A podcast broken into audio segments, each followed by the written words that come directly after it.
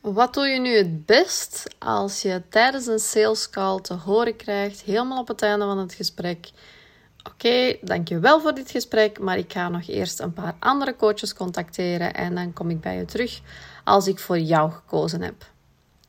Dat is iets wat ik vaak hoor bij mijn klanten en uh, bij mij valt het ook wel eens voor. Ik had gisteren nog een gesprek met iemand die me net hetzelfde zei: van ja, ik heb nog twee andere business coaches op het oog, ik ga eerst horen bij hen. En uh, dan laat ik jou terug iets weten. Nu, mijn reactie daarop is: oké, helemaal prima. Doe dat. En um, dan plan ik met hen een, een. Sowieso, dat doe ik altijd. Raad ik ook altijd aan aan mijn klanten om te doen. En dan zeg ik ook van ja, als je nu tegen die tijd weet dat je zeker niet met mij in zee wilt gaan, of veel vroeger al, laat het mij dan weten. Hè? Dan verspillen we beiden onze tijd niet. Um, nu merk ik dat er eh, vaak uh, mijn coaches op een hele andere manier reageren. Op een manier van, uh, ofwel gaan ze zich verdedigen. Gaan ze zeggen van ja, maar ja, bij mij kan je dit krijgen.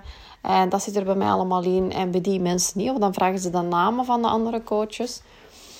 En vaak als je dat doet, is eigenlijk al zeggen van... Oké, ik vind het niet oké dat je dat doet. Ik wil, ik wil dat niet. Ofwel kies je voor mij, ofwel kies je voor niemand. Hè? Dus als je op een bepaalde manier reageert, of je reageert zelfs... Oké, helemaal prima, maar je vindt het niet prima. En je straalt dat uit. Ja, dan voelen die potentiële klanten ook van... Mm, ja, ze vinden het eigenlijk helemaal niet prima. Ik ben eigenlijk al afgewezen. En dat is het laatste wat je wilt, dat je klant uh, voelt, dat die potentiële klant zich voelt. Want jij wil natuurlijk die deur open houden. En ik zeg altijd, als het nu een nee is of een misschien is, dat wil niet zeggen dat in de toekomst nog een nee of een misschien is. Het kan even goed zijn dat zij echt gewoon ja, coaches willen vergelijken. En meestal is dat ook het geval. Wat het ook kan zijn natuurlijk, is dat ze niet overtuigd zijn van jouw diensten of van jouw aanbod of dat het bij hen past. Dus het belangrijkste is eigenlijk dat jij te weten komt waarom dat ze nog willen gaan shoppen bij andere coaches. Hè? Dus ik vraag dan ook altijd, oké, en wat is, de, wat is de reden? Uh, of wat kon je bij die vorige coach niet krijgen waar dat je een gesprek mee hebt gehad? En eens ze je dat vertellen, weet je ook weer al wat meer en kan je daarop inspelen, zodat jij toch de coach bent die hen kan ja, verleiden om met jou in zee te gaan. En verleiden op een juiste manier. Hè. Ik ben een en al voor authenticiteit en oprechtheid. Maar het is wel belangrijk dat je sommige klanten even die push geeft van oké, is dat nu echt wel nodig, dat business shoppen? Als je al weet dat je met mij in zee wilt gaan, of dat was initieel het idee als je een afspraak met mij boekte, waarom ben je dan nu toch terug aan het twijfelen? En het is helemaal oké om dat te vragen en veel te weinig coaches vragen door. Dus ik zeg ook niet alleen maar oké, prima en ik rond het gesprek af. Ik zeg nee, oké, prima en ik zorg dat er een vervolg aan is of ik zorg dat ik een vraag stel die dieper gaat. Waardoor dat zij gaan nadenken van ja, oké, waarom moet ik nu juist met die andere coaches nog bellen? Of ze zeggen het gewoon van ja, die andere coach heeft een totaal ander aanbod. Of die geeft een retreat en bij je is het één op één. Of jij doet alleen maar groepen en ik wil eigenlijk één op één. En dat is wat je te weten wilt komen. Van wat wil die klant nu eigenlijk exact? En van zodra dat je dat weet, kan je weer verder gaan. En ik denk dat dat het belangrijkste is dat ik uh, hierover wil vertellen, is dat je echt mag durven doorvragen. Er zijn tal van bezwaren die klanten um, geven tijdens een, uh, salesgesprek.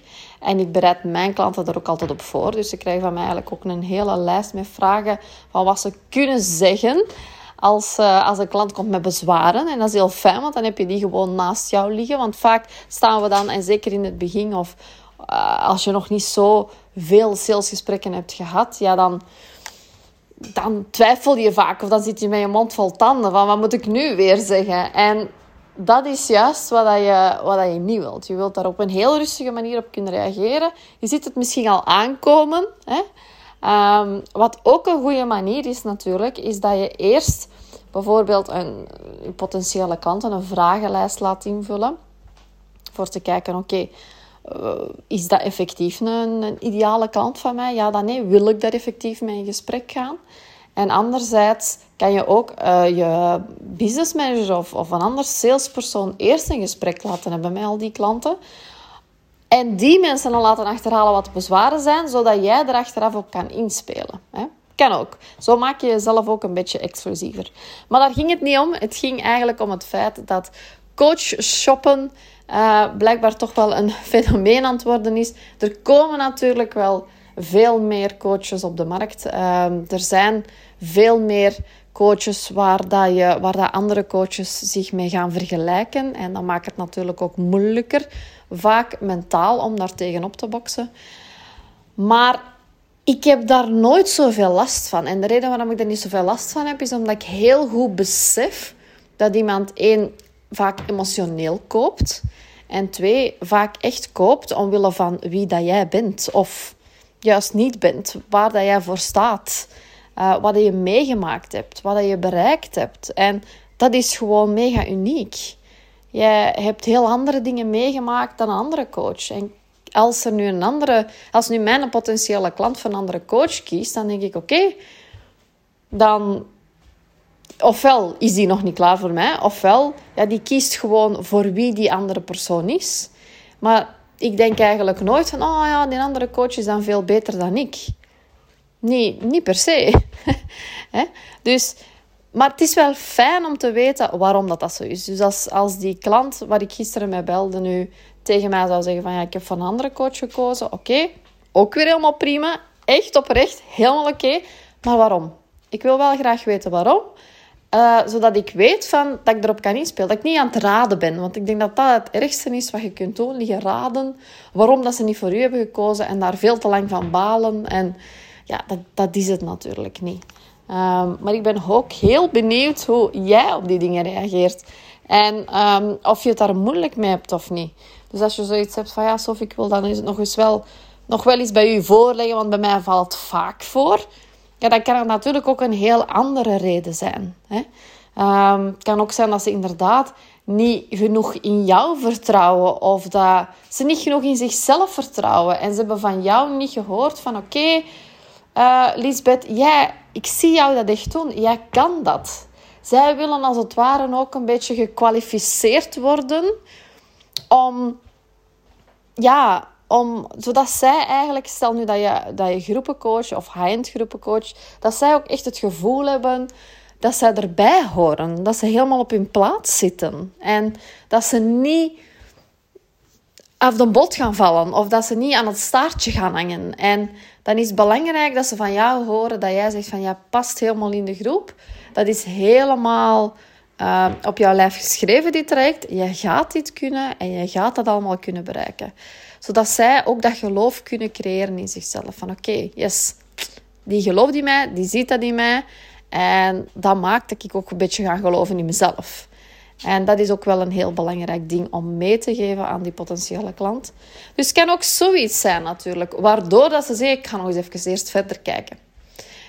Maar vaak hoor je wel het verschil. Als ze zeggen, ik ga nog eens even verder kijken, zijn ze niet overtuigd. Als ze zeggen, ja, ik heb nog twee andere coaches op het oog waar ik ook al een afspraak mee gepland heb. Ik wil er gewoon heel eerlijk over zijn. En ik wou gewoon kijken wie het beste met mij resoneerde, wie het beste met mij past. Oké, prima. Oké. Dus um, ik heb hier trouwens ook over bezwaren tackelen een uh, podcast over geschreven, helemaal in het begin. Ik ga eens even kijken welke nummer het is. Podcast nummer 4 is het. Dus um, die heet Twijfels wegnemen in verkoopsgesprekken. En ja, die podcast is een van de eerste blijkbaar die ik gemaakt heb. En ook eigenlijk de meest beluisterde. Um, ik geef daar echt wel heel veel in vrij. Dus als je zoiets hebt van, ja, ik moet echt nog leren die bezwaren te tackelen, daarmee om te gaan. En het is niet alleen handig tijdens een, eh, tijdens een salesgesprek, maar ook gewoon handig als er iemand jou mailt met een bezwaar. Of, of op een andere manier gewoon met jou praat of een berichtje naar jou stuurt. Dus beluister die podcast zeker. Nummer 4, twijfels wegnemen in verkoopgesprekken, doe je zo. En moest je daar dan nog vragen over hebben of daarbij geholpen willen worden, laat het mij gerust weten. Je kan mij bereiken via Instagram onder Sophie de Blazer, Sophie met een F en Blazer met een S. En dan wil ik ook nog even van deze gelegenheid gebruik maken om je uit te nodigen voor een gratis masterclass die ik ga geven op 28 juni om 14 uur. En die gaat over uh, passief geld verdienen als coach. Dus je aanbod op een passieve manier verkopen. Waardoor dat je eigenlijk geen salesgesprekken meer nodig hebt. Maar dat je gewoon zonder jouw tussenkomst eigenlijk nog je aanbod op een passieve manier gaat verkopen. Ik zet de link hier ook nog eventjes onder. Dan kan je je aanmelden. Het zou heel fijn zijn moest je erbij zijn. En um, graag tot in een volgende podcast.